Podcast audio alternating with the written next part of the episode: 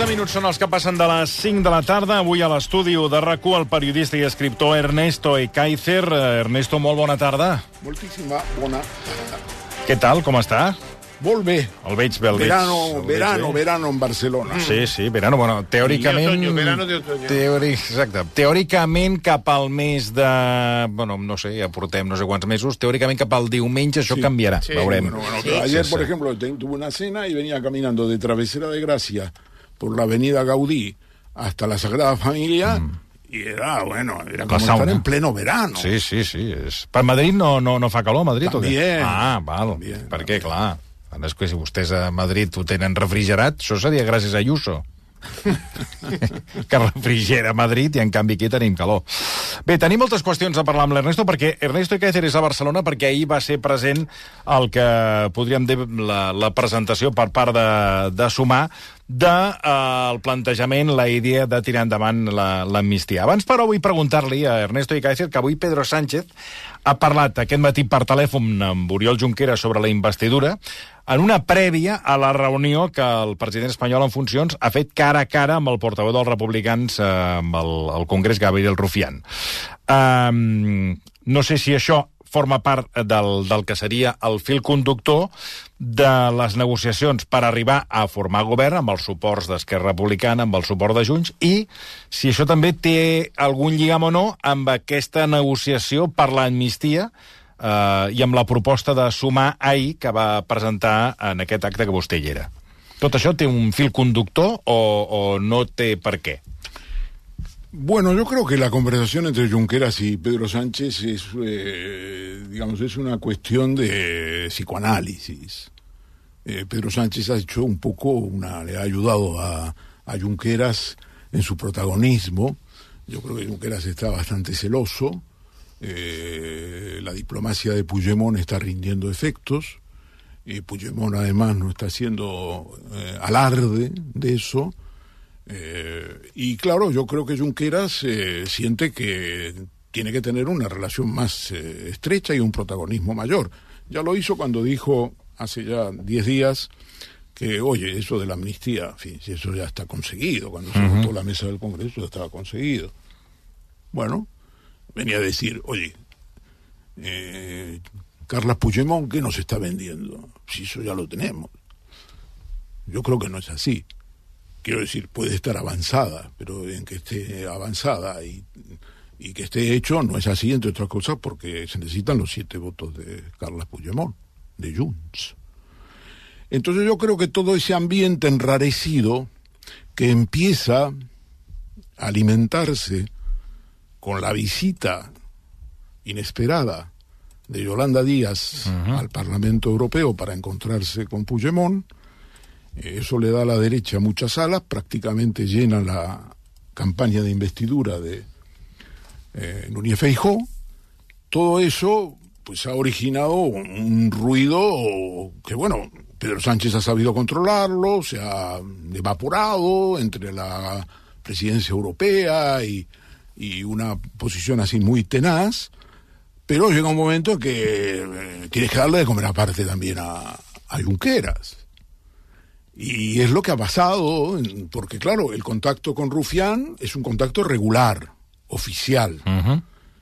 Pero, hombre, Junqueras es eh, el personaje, ¿no? Y entonces, claro, entre que el presidente de la Generalitat no es Junqueras, en que entre el presidente, el, que el, el portavoz parlamentario no es Junqueras, Junqueras no se queda sin papel. Y yo creo que la conversación con Pedro Sánchez sería el equivalente sería el equivalente, con todas las distancias del caso, a la foto de Yolanda Díaz con Puigdemont, que en este caso es una conversación entre Pedro Sánchez y una conversación que se hace pública.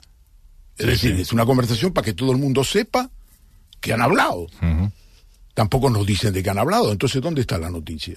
La notícia, la, la notícia és que han. Exacto, la foto y la noticia. Yo creo que cuando Puigdemont, por lo que me dicen fuentes eh, fiables, cuando Puigdemont recibe a Yolanda Díaz, le aclara que él solo negocia con el Partido Socialista Obrero Español y que puede eh, hacerse una foto, que él tiene el más alto concepto de ella y pueden charlar, pero que eso no es una negociación. La derecha, evidentemente, aprovecha esta situación y hace una campaña diciendo que ya todo está. Luego viene Junqueras y dice que ya todo está, y todo está. Entonces, bueno, yo creo que ese es el significado que yo le doy a, A la conversa. A la conversa eh, con eh, Pedro Pedro Sánchez. Sánchez. Eh, además es un poco, mm, hay una cierta incoherencia, porque si tomamos a pie del, eh, digamos, eh, con toda su intensidad las palabras de Junquera, si ya está hecha la amnistía, ¿para qué ha hablado? Para hacer el...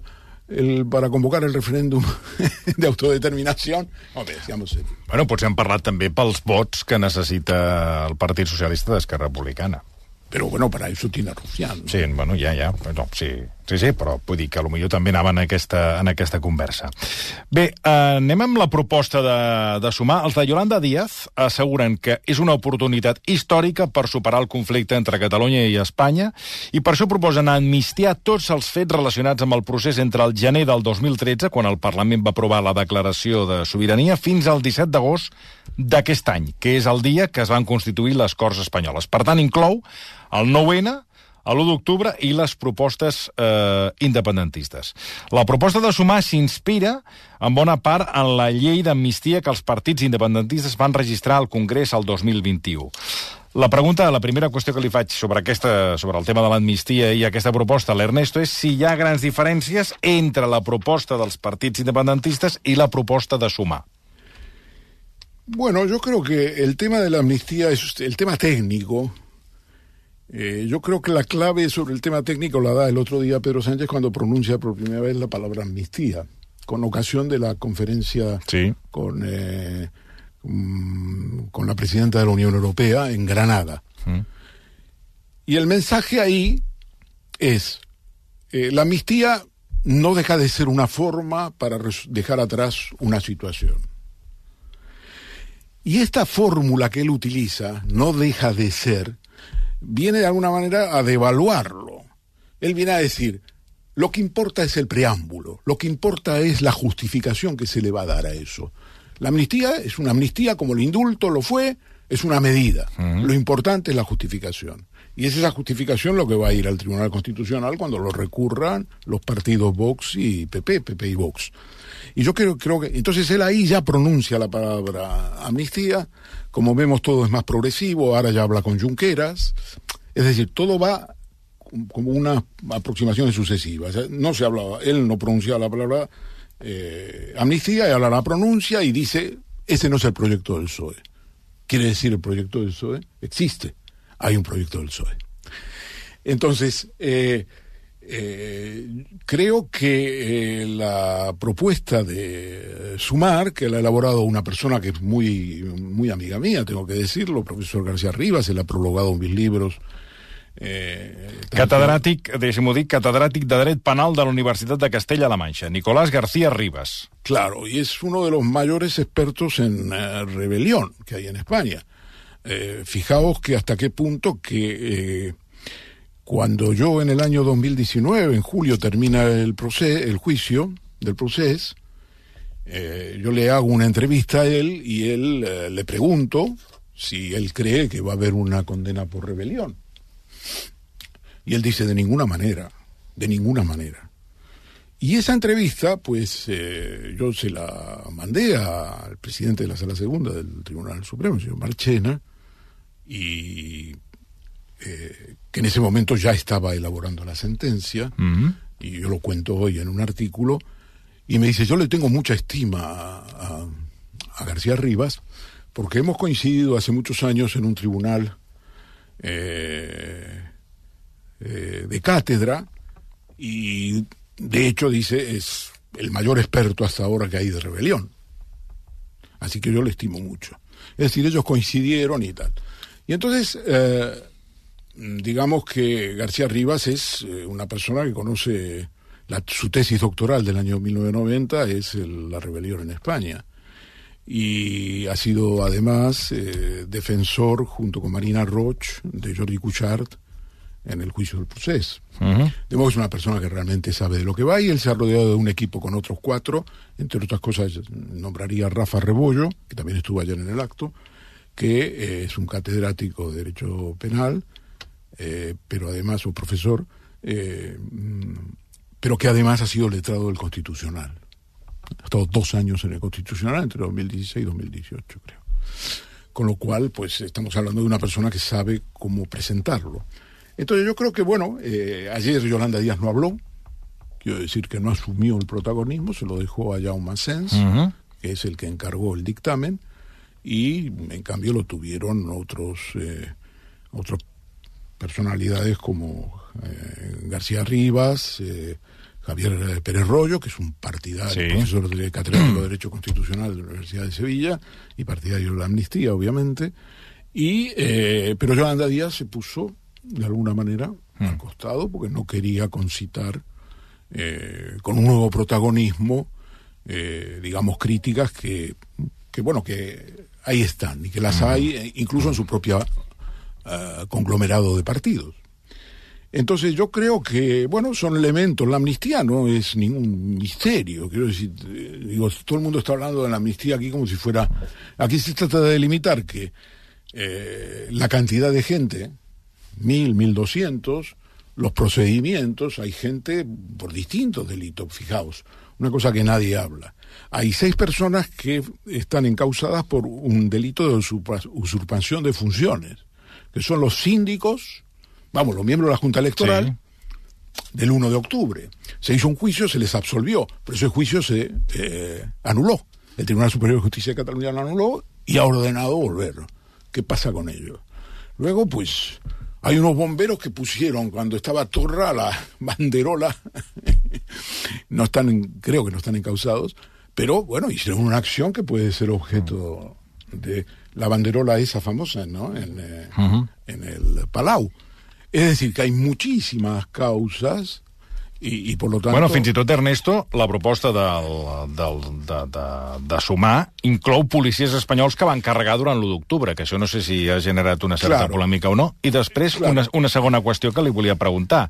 Quan vostè parla de la llei d'amnistia, que aquesta és la proposta de sumar i diu que el PSOE se la mira de lluny, això vol dir que el PSOE té una altra proposta d'amnistia? Sí, sí, tiene una... eh, el PSOE va presentar su propio proyecto y luego tendrán que hacer una... Per tant, és possible que la que es va presentar ahir, que vostè hi era i que amb la qual va, va, tenir una conversa, va parlar amb el uh, Nicolás García Ribas, aquest catedràtic de dret penal, és possible que la del PSOE sigui diferent. Sí, Però aquesta no la coneixem. Sí, no, no la conocemos. Esa, esa propuesta no la conocemos y es una propuesta que viene elaborándolo el equipo de el equipo de Félix Bolaño en Moncloa, abogados, y viene trabajando hace mucho tiempo, consultando con mucha gente. Eh, y es una propuesta que va a ser decisiva, que luego incorporará cosas de la propuesta del dictamen de García Rivas y los eh, juristas que presentaron ayer, seguramente, porque además es que tampoco es un misterio. Sobre el tema de, eh, de los policías que usted planteó. Sí. Eh, Bueno, això ho proposa sumar. Ho sí, proposa... sí, pero eh, sí, pero eso sí, digamos, no lo propone sumar por nada, digamos, por no es una ocurrencia. Eh, hay un texto muy importante que tiene su gran importancia porque es muy antiguo, es el de 2001, cuando no había en el horizonte ni procés, ni sentencia, ni, ni nada, 2001. Y es un texto que ha propuesto una persona que a mí me parece muy interesante, una propuesta que, bueno, es un magistrado que hizo de alguna manera su tesis con eh, Enrique Basigalupo, magistrado del Tribunal Constitucional, eh, y un penalista formado en Alemania. Eh, y este señor, eh, Carlos Pérez, El 2001. eh, C- Carlos, Carlos Pérez, sí, Sí, del. Valle. Carlos Pérez del Valle, Mm. es un jurista, es un jurista ahora jubilado, eh, ha sido magistrado, y él hace un artículo de 19 folios que a mí me parece que, pues eh, ahí está la ABC, ahí está todo lo que usted quería saber sobre lo que es una ley de amnistía, está ahí. Y es muy interesante porque no es un punto de vista político, es un punto de vista muy, muy jurídico y fundamentado con muchos trabajos. Y precisamente él es el que plantea, dice, de este modo, él cree que la amnistía tiene cabida en el Tribunal Constitucional, dice, de este modo la igualdad supone también que no debe existir un trato diferenciado entre amigos y enemigos. Y por tanto que todas las partes implicadas en el conflicto Sí. Un conflicto en abstracto. No había procés. 2001. Ujú. Han de recibir un mismo tratamiento. De modo que los hechos comprendidos en la amnistía repercutan de una misma forma a quienes lo realizaron, cualquiera que fuese la posición adoptada en el conflicto al que se quiere dar punto final mediante la amnistía. Y claro, porque aquí lo que hay que, digamos, hay que borrar son las consecuencias penales de unos hechos, que evidentemente tienen una participación individual, pero eso es lo que hay que borrar. Entonces, eh, por eso tiene que ser eh, las dos partes. Es así. Per això s'inclouen les dues. Y hay una cosa que dice muy, que cita, un texto que cita de un autor alemán, un jurista alemán, que se llama Michael Breibach, este señor, Carlos Pérez del Sí, Valle, sí. que es, para mí, vamos, en tres líneas lo dice todo. Y dice así.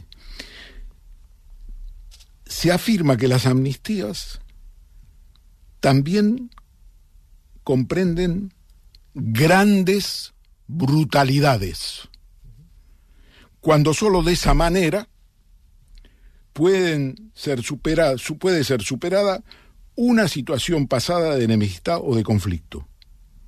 La respuesta a esta cuestión es ciertamente complicada. A mí esto me, me parece fantástico, esto de las grandes brutalidades, porque brutalidades no negaremos nadie que las ha habido. Totalment d'acord. Entonces, tenemos que salir de las brutalidades. Y dicho esto, voy a decir una cosa que también es importante. Hasta hace muy poco tiempo, para todos, la amnistía era un sueño. La veías en algunos balcones en Barcelona y en otras ciudades de España, en Girona y en donde quieras. Sí, sí, era, era, era, no, es plantejava. Bien. Abans de l'estiu no hi havia aquest plantejament de Bien. l'amnistia. a pesar de que hubo una proposición y Sí, que no sí. salió y todo eso. Y ahora eh, es un poco lo, lo que pasa en, en- en España, ¿no? Y también en Cataluña. Ahora nos parece que la amnistía, bah, en fin, es, sí, pues sí, pues sí, ya que se habla todos los días, mañana tarde, sí, sí, sí, sí, sí. Oye, ¿qué pasa? ¿Y dónde vamos con la amnistía? ¿Y dónde vamos con la amnistía? Y ha empezado todo lo que yo llamo un proceso de desvalorización o de infravaluación de la amnistía. Y esto es serio, porque la amnistía es un hecho importantísimo. Yo ayer le comentaba a Joaquín Ford, cuando estuve conversando con él, en la presentación de la propuesta esta del dictamen de, de los catedráticos eh, que encabeza García Rivas, yo le decía, le decía esto y le decía, la gente tiene que entender, y lo va a entender mejor, cuando la amnistía esté en el BOE, en el Boletín Oficial del Estado, y cuando una vez, esperemos que si hay maniobras, las maniobras duren poco porque las habrá, las habrá. Una vez que se terminen las maniobras dilatorias, cada uno de los mil o 998, no sé cuántos son exactamente, y creo que no lo sabe todavía nadie, tendrán que ir a la eh, sala segunda del Tribunal Supremo y a decir, oiga, yo me llamo así, aquí está mi carnet de identidad y me aplica usted la amnistía. Y entonces, cuando se le aplique la amnistía, la gente en este país y en España sabrá lo que es una amnistía. Hasta entonces es una quimera. Pero es una quimera que no deberíamos, yo creo, devaluar ni desvalorizar. Porque si tú hablas con eh, distintas personas, dicen, bueno, ahora hay que meter también el pacto fiscal que no consiguió Artur Mas con Rajoy. Bueno, bueno, pues poner, se puede poner lo que se quiera. Pero el pacto fiscal, ya sabemos que, en fin, no es el pacto fiscal. eh, El pacto fiscal es el concierto llamado pacto fiscal. Eh, en fin, me parece francamente muy utópico para decirlo delicadamente. Entonces yo no creo que se deba desvalorizar la amnistía. La amnistía, estoy convencido que si sale adelante, se publica en el BOE y se empieza a aplicar, habrá que en la plaza de San Jaume y en todas las plazas de las ciudades de Cataluña y de los pueblos, habrá que hacer fuegos artificiales porque será una fase de una guerra, como cuando terminó la Segunda Guerra, pero será, y yo creo que será así, pero si empezamos a devaluar y empezamos a decir, oye, ¿y la- con la amnistía, ¿dónde llegamos a...? Pues I, i, I ara, ja posant-nos en el terreny optimista de que el butlletí oficial de l'Estat, eh, suposem que queda publicat l'amnistia, evidentment serà recorreguda pel Partit Popular i per Vox al Constitucional. Aquí, amb quins timings entraríem? És a dir, quant de temps eh, això arribaria al Constitucional i quan el Constitucional resoldria la, la, en aquest cas la, la, la denúncia o la queixa o el que seria el recurs contra l'amnistia per part de BP i Vox. hay dos cosas. Uno es el recurso de inconstitucionalidad, Sí. al constitucional, Que lleva sus tiempos, Mm. unos tiempos largos, porque hay otras cosas. La pregunta es, eh, ¿suspende la ejecución de la amnistía? No la suspende. Pero hay otra, que es a la que yo me refería antes en materia de dilaciones, que la Sala Segunda del Tribunal Supremo, puede hacerlo, plantee una cuestión de inconstitucionalidad. En otros términos, cuando le llegue la amni- amnistía, La amnistía, sí. se publique y tenga que aplicarla, diga, oiga, yo dudo de la constitucionalidad de esto. Los jueces pueden plantear una cuestión de inconstitucionalidad de oficio, no necesitan ninguna denuncia. Yo tengo dudas porque, mire usted, aquí hay una sentencia que la he puesto yo. que, eh, sense pensar malament, Ernesto, ja, pot, ja pensaria jo que... Que sí. O sigui, es, es mm, plantejarà aquest dubte. Bien, entonces, ¿esto qué consecuencias tendría? La consecuencia de suspender la ley, no, no puede suspender la ley. La ley ya está y no puede suspenderla. Pero puede suspender el procedimiento de concesión de la amnistía.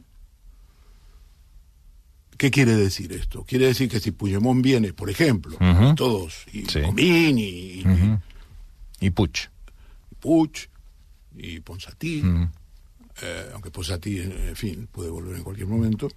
Eh, ¿Qué quiere decir esto? Que si ellos vuelven, ¿los pueden meter en prisión? No. Teóricamente no.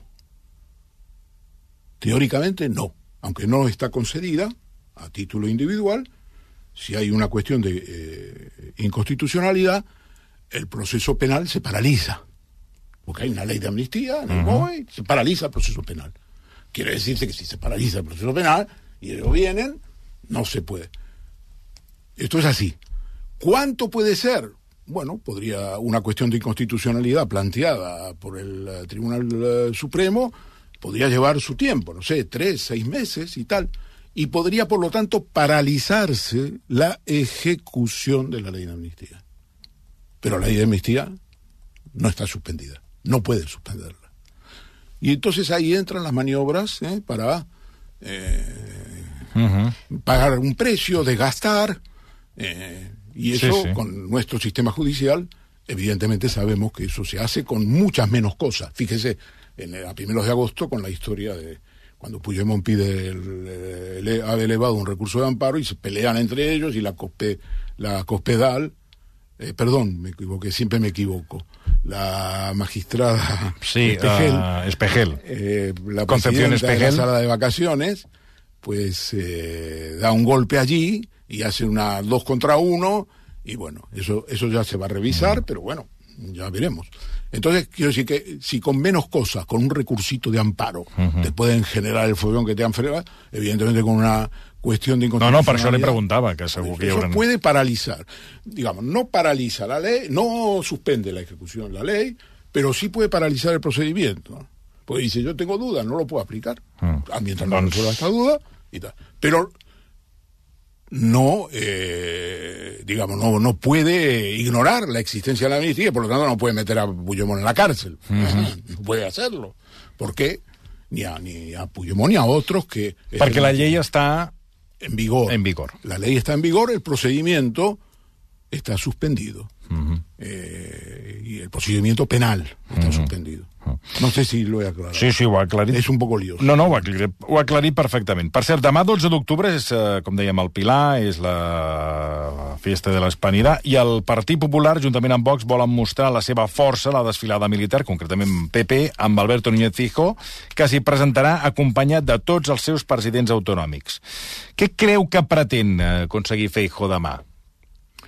Bueno, yo creo que Feijó está jugando a una cosa que me parece a mí bastante evidente, lo dijo además en, su, en la última parte del discurso, ¿no?, de investidura.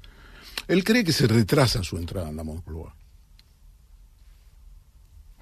Bueno, se retrasa no, per, perquè ell creu que no, no aconseguirà formar govern Pedro no, Sánchez. No, tiene... ahora, aunque forme gobierno. Ah, ja pensa en, en què? Sí. En, però en dos anys, en tres anys? Claro, claro, en unas elecciones anticipadas, en una crisis del gobierno de coalición y por lo tanto en una situación en la cual pues él podrá acceder a la Moncloa. Yo creo que este es el plan y por lo tanto seguirá con la línea dura en todos los terrenos. Consejo General de Poder Judicial intentará que no se renueve, lo que pasa es que el gobierno puede hacer una ley y renovar por lo menos 12 de los miembros, lo puede hacer perfectamente y que están barajándolo, según mi información, y por lo tanto sería una solución parcial. Pero él va a llevar la línea dura, él va a llevar la línea dura porque piensa que sobre la base de esa línea dura, sobre la base de una convocatoria de nuevas elecciones, él puede arañar esos votos que le faltan, cabalgando sobre Vox. eh, todo.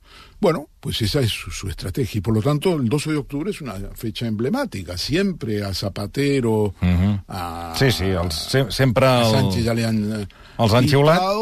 Claro, eh, a lo mejor en estas ocasiones, cuando tienes una situación así, donde te van a aprovechar eh, un, un, desfile de carácter institucional, a lo mejor, no sé, digo yo, se me ocurre, en plan Mafalda, hacerlo en otra ciudad. Uh -huh. Hacerlo en otra ciudad. Lo sí, traslada. Sí. Una vez se hizo, ¿eh? Sí.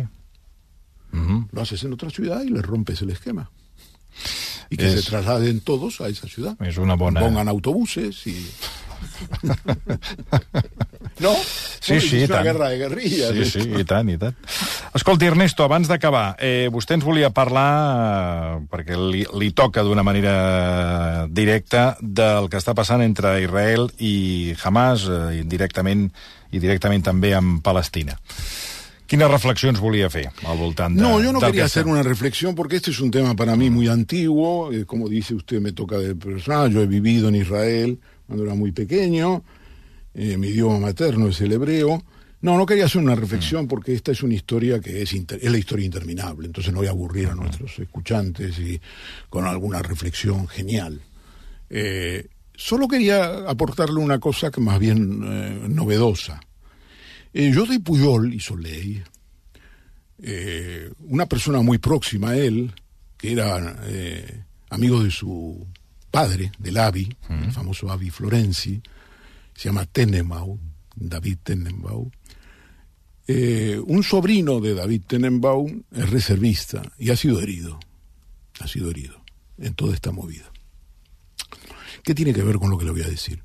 Jordi Puyol y Soleil me ha hecho llegar algo que me parece muy interesante, a pesar de esta historia personal, porque es una persona que eh, han hablado, ha hablado de Israel, ha intentado comunicarse. Ya. Y él me ha hecho llegar un discurso que pronunció en el año, en 2007, uh -huh. 2007, por lo tanto ya no era presidente, honorable presidente, por un premio que se le dio, el premio Samuel Toledano, y tuvo que hablar en el Parlamento israelí, en la Knesset. Y él fue con un discurso crítico, muy crítico, pese a que él, desde ya muy pequeño, pues era muy simpatizante de la causa del sionismo. Pero, sin embargo, hay un párrafo que me parece leer, teniendo en cuenta que una persona muy próxima de su entorno familiar ha sido herida uh -huh. y tal. Y él dijo lo siguiente. Esto es 2007, 28 de octubre de 2007, en la Knesset. Pero ustedes deben comprender que los palestinos necesitan una solución. A mí, lo de los dos estados me parece bien. Entonces se hablaba de aquel famoso acuerdo sí. de Oslo, de la posibilidad de un, un estado de dos estados. Me ha parecido bien desde 1948 y también deben comprender que la opinión pública de muchos países siente simpatía por los palestinos. no solo por razones ideológicas, sino porque son más débiles. A la larga podrían no serlo tanto si no hay paz, porque podrían tener la demografía a favor. Pero hoy y durante bastante tiempo son los débiles y la gente es compasiva. Se sacrifica poco por los otros, pero le gusta ser compasiva. Con poco coste, es decir, un tanto hipócritamente, pero compasiva. Y esto juega a su favor. A mí me parece muy interesante en el año 2007, teniendo en cuenta que Jordi Puyol y Soleil siempre ha sido simpatizante de la causa sionista, se atreviera a decir en un discurso en la Knesset estas palabras que son solo un párrafo de lo que dice, porque dice muchísimas más cosas de carácter crítico, y que ha sido muy mal recibido en aquel momento por quienes le invitaron. Ernesto i Kaiser, com sempre, un plaer. Moltíssimes gràcies per la visita i fins la, bueno, fins la propera, fins la propera setmana. Un plaer. Molt bé. Gràcies, Ernesto. Ara tornem, fem re, 4 minuts de pausa i tot seguit eh, la xinxó que ens planteja què passa amb les cendres que no es recullen. Avui el senyor Virgili es parlava de les centres de, de Carmen Sevilla, que ningú les havia anat a recollir. El fill, el fill les hauria d'anar a buscar. Uh, sí, però es veu que no les havia anat a buscar i ens hem plantejat, bueno, quan passa més d'un mes o de dos, què passa amb Què les cendres? Doncs ara ens ho explicarà Maria Xixó. Fins ara. Versió RAC 1.